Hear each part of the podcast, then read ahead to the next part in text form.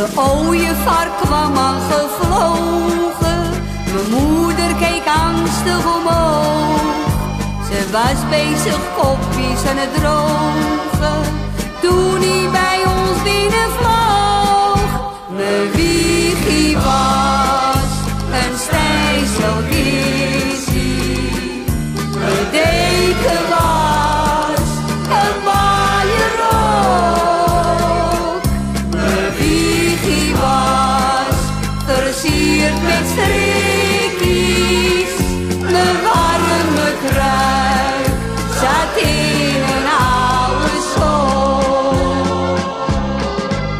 Imagine first a perfect meritocracy where there were, we overcame all barriers of race, class, gender, ethnicity, where all rewards perfectly corresponded to talents. Perfect meritocracy. That's scenario one. Je hoort die filosoof Michael Sandel die zijn gehoor laat kiezen uit twee scenario's. Als eerste het scenario van meritocratie. In goed Nederlands en even van Wikipedia afgeplukt. Dat is het maatschappijmodel waarin de sociaal-economische positie van elk individu is gebaseerd op zijn of haar verdiensten. Merites dus. Hierbij gaat het dus niet direct om de aanleg die je hebt, maar wat je met die aanleg doet. Scenario two is a perfect lotocracy. By lotocracy, I mean this is an invented word. Don't worry if you haven't heard it before. It's where where you land, how much money you make, your social position depends on a lottery, the luck of the draw.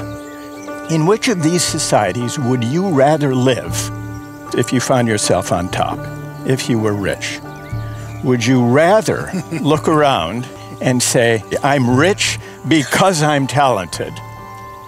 Or would you rather look around and say, I'm rich because I won the lottery?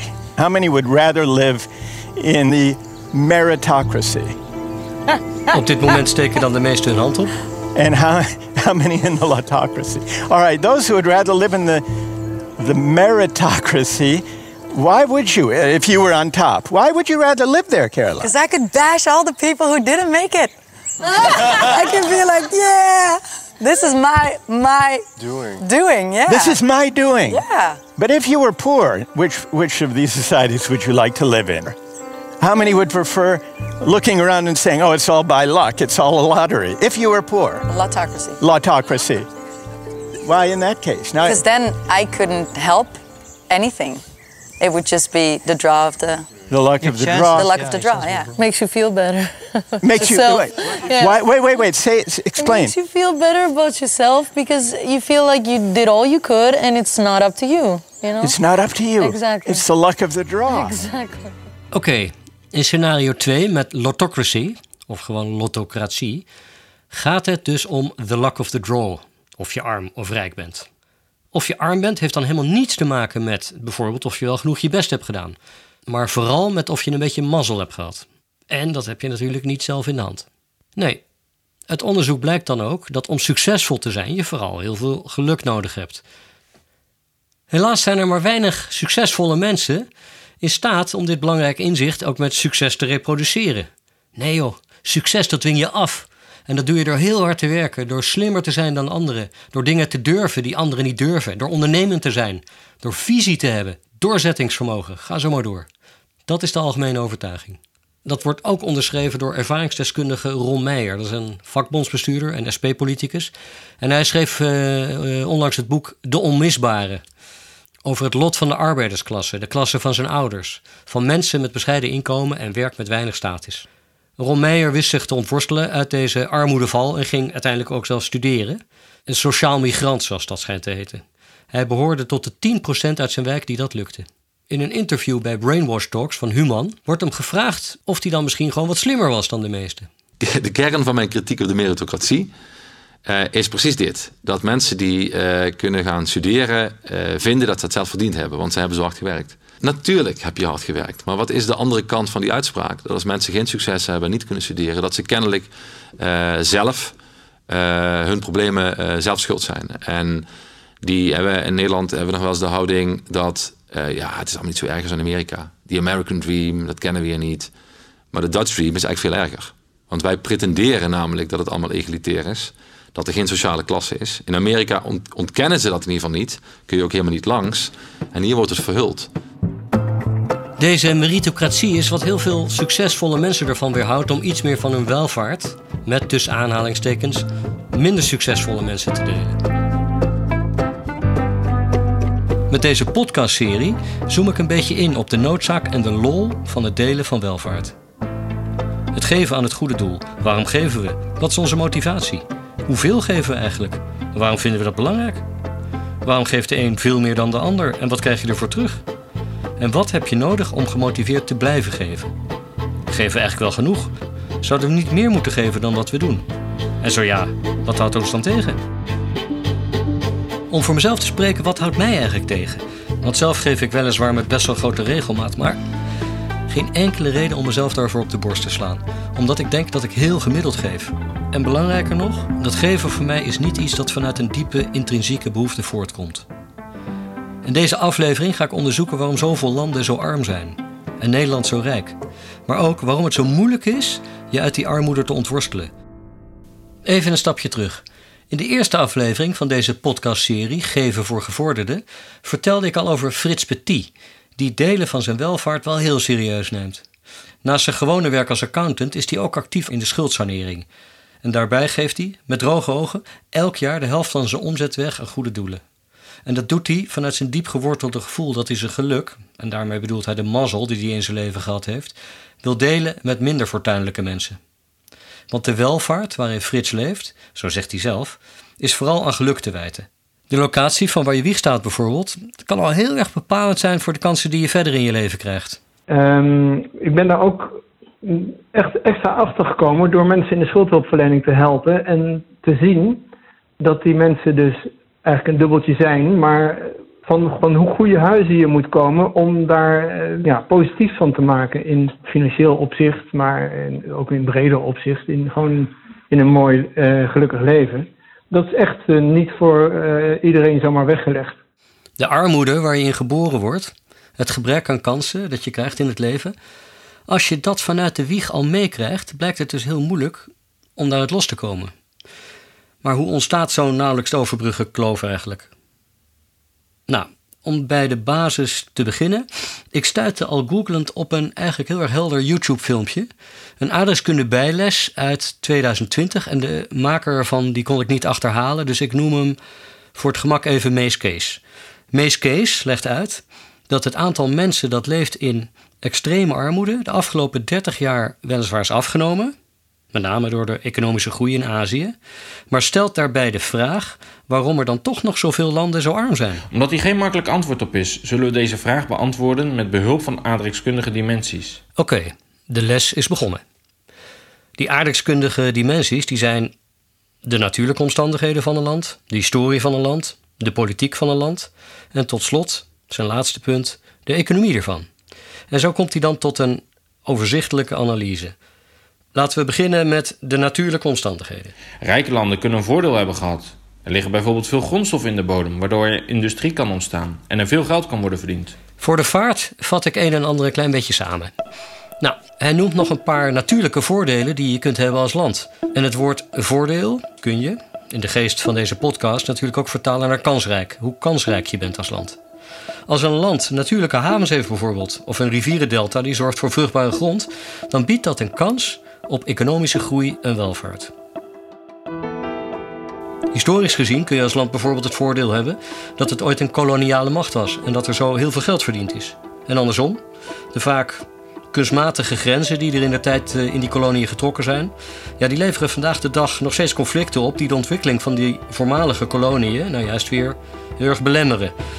Kijk maar eens op de kaart naar die kaarsrechte grenzen die in de tijd over het hele Afrikaanse continent op nou ja, best wel efficiënte wijze met een pen en een liniaal getrokken zijn. Maar wat vandaag de dag, op zijn zachtst gezegd, op veel plekken voor onrust zorgt. Wat voor de bewoners de kans op een goed bestaan flink onder druk zet. Dan de economische dimensie. Die noemt hij als net zo bepalend, met name door de zogenoemde armoedeval. Zoiets bazaals als te weinig geld hebben om te eten is vaak al een armoedeval op zich. Waardoor ze morgen minder energie hebben en minder hard of minder lang kunnen werken. En morgen dus nog minder verdienen. Dat kan ik me goed voorstellen. Als ik de lunch oversla, is bij mij dezelfde middag de batterij al leeg. Mensen die in de armoedeval zitten, hebben te weinig geld om te investeren in zichzelf of in hun gezin. Investeren in gezondheid bijvoorbeeld.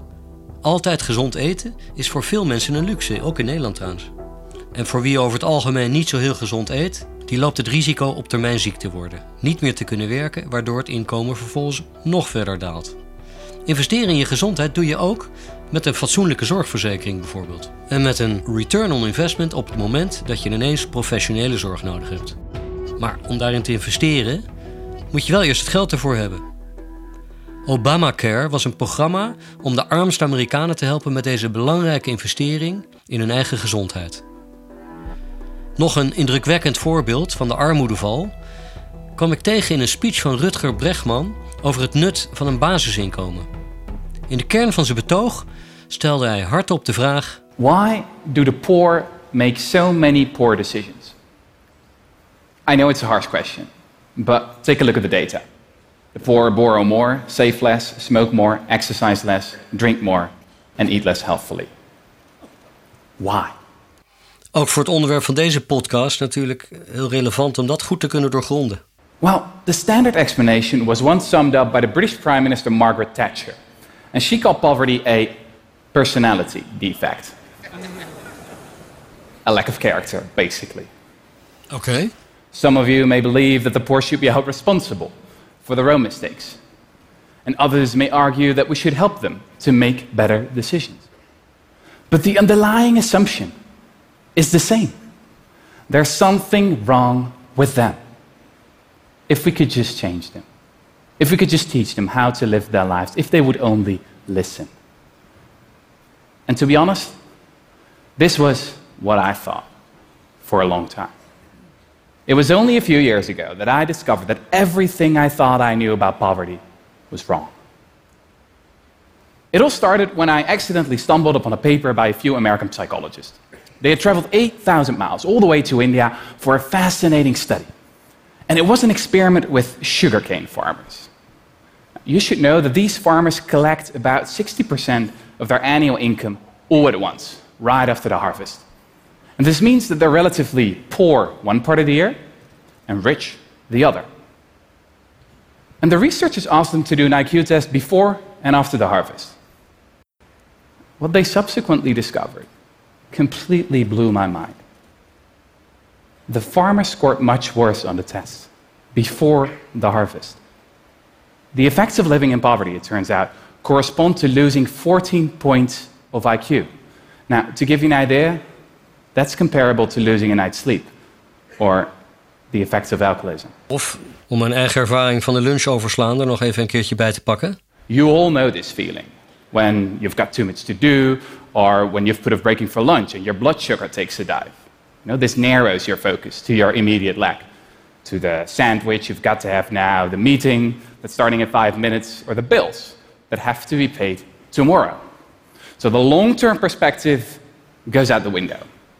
Dus de korte termijn krijgt de prioriteit boven die van de lange termijn. Ik weet dat als ik na het overslaan van de lunch boodschappen ga doen voor het avondeten, mijn boodschappenmand zich al snel vult met minder gezonde ingrediënten. Een hele zak chips in je eentje kan er op zo'n moment ineens uitzien als een prima maaltijd. Het nemen van slechte beslissingen door armoede, daar kan Ron Meijer, die al even eerder voorbij kwam in deze aflevering, over meepraten. Hij illustreert dat aan de hand van een pijnlijke statistiek. Als je aan mijn kant van het spoor wordt geboren, ik woon daar nog steeds, dan ehm, ga je gemiddeld, gemiddeld zes jaar eerder dood. En dan ben ik nog mild, want dan gaat het om, eh, eh, om, om, om vrouwen. En mannen gaan eigenlijk nog, nog veel eerder dood. En niet alleen maar dat, je wordt nog 15 jaar eerder ongezond. Dus een kind dat nu in mijn eh, oude buurt, ik woon nu in een buurt verderop, in Zeswegen wordt geboren, aan de noordkant van het spoor. Dat geldt eigenlijk voor alle steden in het land met zulke verschillen. dat kind kan er dus niets aan doen. Dat is niet als het geboren wordt op voorhand al dommer of, of ongeschikter of wat je maar wil. Maar dat kind gaat door de sociale omstandigheden, inclusief dat ouders in de omstandigheden waar, mijn ouders in zaten, door stress, uh, mijn ouders rookten als ketters, Het is al onderzoek na onderzoek is bekend dat mensen die in armoede leven, dat die ook domme individuele keuzes maken. Maar wel in die volgorde. Sociale omstandigheden die enorme druk zetten op mensen. En daarbinnen worden individuele keuzes gemaakt die misschien niet zo handig zijn. Verkeerde keuzes maken doordat je in armoede leeft, dat is iets wat Frits ook vaak ziet bij zijn klanten in de schuldsanering. Omdat ze die stress hebben van kom ik wel rond, eh, heb ik wel, eh, haal ik het eind van de maand. En gaan ze impulsief, veel meer impulsief handelen. En denken van nou, dan ga ik er nu even iets leuks van maken. En de eind van de maand haal ik toch niet. Dus eh, ja, dat, dat kan ik toch niet oplossen. Dus ik, ik ga maar gewoon voort. En om de armoedeval compleet te maken, zit je eenmaal in de schulden, dan kun je je eigenlijk geen enkele tegenslag meer permitteren. Als ik pech heb met mijn inkomen en vermogen, nou, dan eh, zucht ik een keer en dan ga ik weer over tot de orde van de dag. Ik kan zoveel opvangen en als ik het zelf niet kan opvangen, dan heb ik een heel netwerk om me heen, familie, vrienden, die ook nog eens vermogend zijn, sociaal vaardig, eh, vriendelijk, ik noem maar wat. Goed, tot zover even een iets uitgebreidere uitweiding over de armoedeval als voorbeeld van een economische dimensie die zorgt voor structurele armoede. Gaan we nu terug naar het laatste punt van het lijstje van Mees Kees, de politieke dimensie. Zo hebben oorlogen en conflicten natuurlijk een destabiliserend effect op een land. En dat staat de economische groei in de weg. Ook een onbetrouwbare of slecht functionerende overheid is niet bepaald stimulerend voor innovatie of ondernemerschap. En vaak in de periferie daarvan zie je dan corruptie als pijnlijk symptoom van een zwak overheidsapparaat. Met ook weer alle consequenties voor de economische groei. De rol van het IMF en de Wereldbank laat onze docent ook nog even de revue passeren. Beide organisaties voorzien arme landen van leningen om zich te ontwikkelen, maar wel met de voorwaarde dat ze de economische hervormingen doorvoeren die het IMF en de Wereldbank bepalen. Doordat beide organisaties worden geleid door Amerikanen en Europeanen, beweren sommige critici dat hierdoor een westers economisch beleid wordt doorgedrukt. Wat niet altijd tot gunstige resultaten heeft geleid. Mees Kees hierover? Onthoud dat elk land uniek is en dat er geen standaard reden is dat een land arm is. Oké, geen quick fix dus, maar maatwerk. Dat we in ons welvarende Westen vaak moeite hebben te bepalen wat echt gaat helpen om arme landen te helpen. Helpen op een manier die echt effectief is. Daar ga ik in toekomstige afleveringen zeker nog op terugkomen. Tot zover een vrij algemene uitweiding over de consequenties, of liever gezegd de pech die je hebt, als je wieg toevallig op de verkeerde plek stond. Als ik die aardrijkskundige kijk van Mees Kees op Nederland loslaat, dan is het zo gek nog niet dat we hier gemiddeld gezien, zeker ten opzichte van veel andere landen, het eigenlijk heel goed hebben. Allereerst natuurlijk onze gunstige ligging. Nederland als mainport van Europa met de wereldhavens aan de Noordzee in Rotterdam en Amsterdam. Met onze vruchtbare rivierendelta die uitstroomt in diezelfde Noordzee en zo een voedingsbodem vormt voor onze hele succesvolle agrarische sector. En we hebben als land natuurlijk heel goed weten te profiteren van die nou ja, bijna onuitputtelijke pinautomaten in Groningen en Drenthe. Met alle gas en olie die we daar uit de grond gepompt hebben. Vanuit historisch perspectief kun je zeggen dat we hier in Nederland goed geprofiteerd hebben van onze koloniën. Die ook weer een basis vormden van Nederland als belangrijke handelsnatie. En politiek gezien zijn we natuurlijk eigenlijk een heel stabiel land met een diep ingesleten democratisch systeem. In 1848 werden we al een parlementaire democratie. Maar we hadden al sinds de middeleeuwen goed kunnen oefenen met samenwerken om zo de polders droog te houden. Wat nu polderen heet. We waren een beetje wereldkampioen polderen, althans zo voelde dat nog eind jaren 90. Maar tegenwoordig met de toenemende polarisatie lijkt dat gevoel een klein beetje weg te zijn. Maar samenvattend kun je stellen dat dankzij onze gunstige natuurlijke ligging, onze historie als koloniale grootmacht en onze goed functionerende democratie, dat onze economie zich al heel lang heeft kunnen zetten tot een degelijk financieel fundament. Ons bankwezen, onze pensioenfondsen, ons sociale stelsel, de infrastructuur, het zorgstelsel zijn er allemaal resultaat van. Het lijkt er dus op dat we onze schaapjes hier in Nederland aardig op het droog hebben staan. Hey Google, wat is het gemiddelde vermogen eigenlijk in Nederland? Op de website accountant.nl zeggen ze: Nederlanders hebben een gemiddeld netto vermogen van 128.557 euro en staan daarmee op de vierde plaats van de wereldranglijst. Dat blijkt uit de twaalfde editie van het Global Wealth Report van kredietverzekeraar Euler Hermes, dat naar de financiële situatie van huishoudens in bijna 60 landen keek.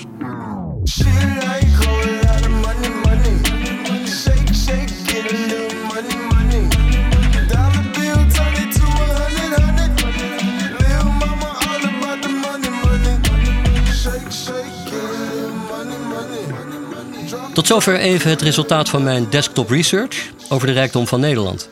Als ik nou doorzoek op het onderwerp armoede in Nederland, ja, dan scoren we helaas ook heel hoog. Volgens de laatste cijfers leven iets meer dan 1 miljoen mensen in Nederland onder de armoedegrens.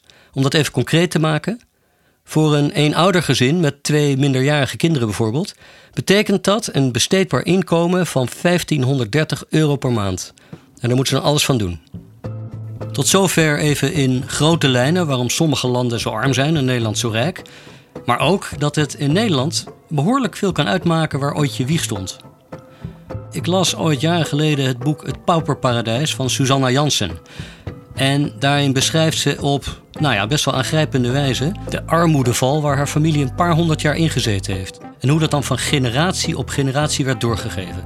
En hoe moeilijk het is om daar het los te komen. Wat, wat ik zie is dat er een soort van ehm, sociale overdraagbaarheid is van armoede. Ik zou niet willen zeggen dat dat in genen zit. Ik ben geen ander mens omdat er vijf generaties voor mij arm waren. Dat denk ik niet. Maar misschien dat een hersenonderzoeker daar dan anders over denkt, dat weet ik niet. Ehm, ik denk dat er een sociale overdraagbaarheid is. Je leert gedrag van je ouders. Als je ouders niet voor zichzelf kunnen zorgen, financieel of op wat voor manier dan ook, dan krijg je mee dat wij het niet kunnen. Dan krijg je een brevet van onvermogen mee. Dat tast je zelfvertrouwen aan, van jongs af aan.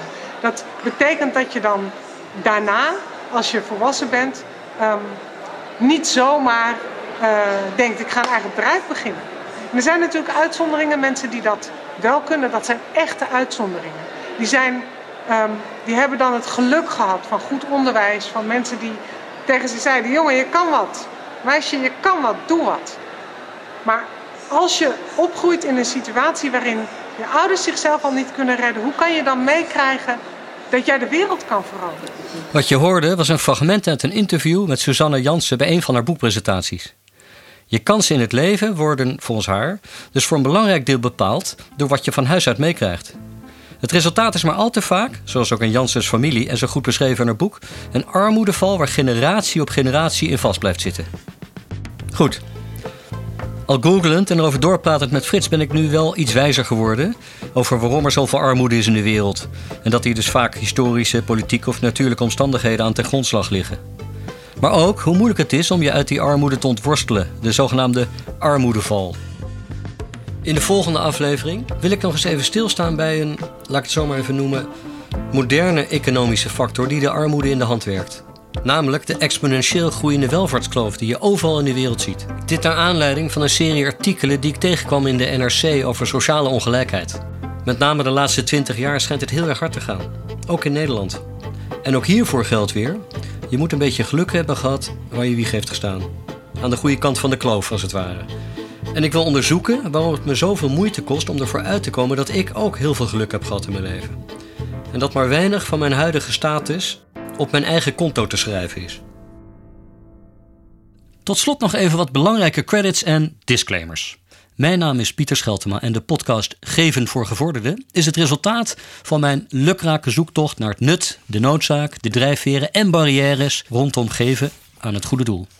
Iets wat nooit gelukt was zonder de aanmoediging en wijze input van inspirator en filantroop Frits Petit, de filosoof Karim Benamar, communicatiestrateeg Edward Stolze en last, but zeker not least, mentor en geluidsmacher Reinder van Zalk.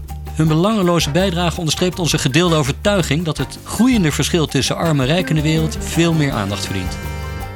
Het liefdewerk oud papierkarakter van het project hoor je helaas wel door in de kwaliteit van de opnames. Mijn coronaproof, maar akoestisch, totaal onverantwoorde kantoortje aan huis zijn daar debet aan. Reinder heeft in de nabewerking geholpen om dit een klein beetje te verhullen.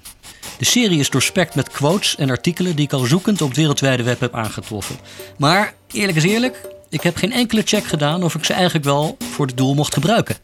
Dus ik hoop dat de intentie van het project, tezamen met de bronvermeldingen, voldoende is voor de betreffende schrijvers en sprekers om dat niet al te bezwaarlijk te vinden. En om nog even binnen het thema af te ronden, deel deze podcast gerust.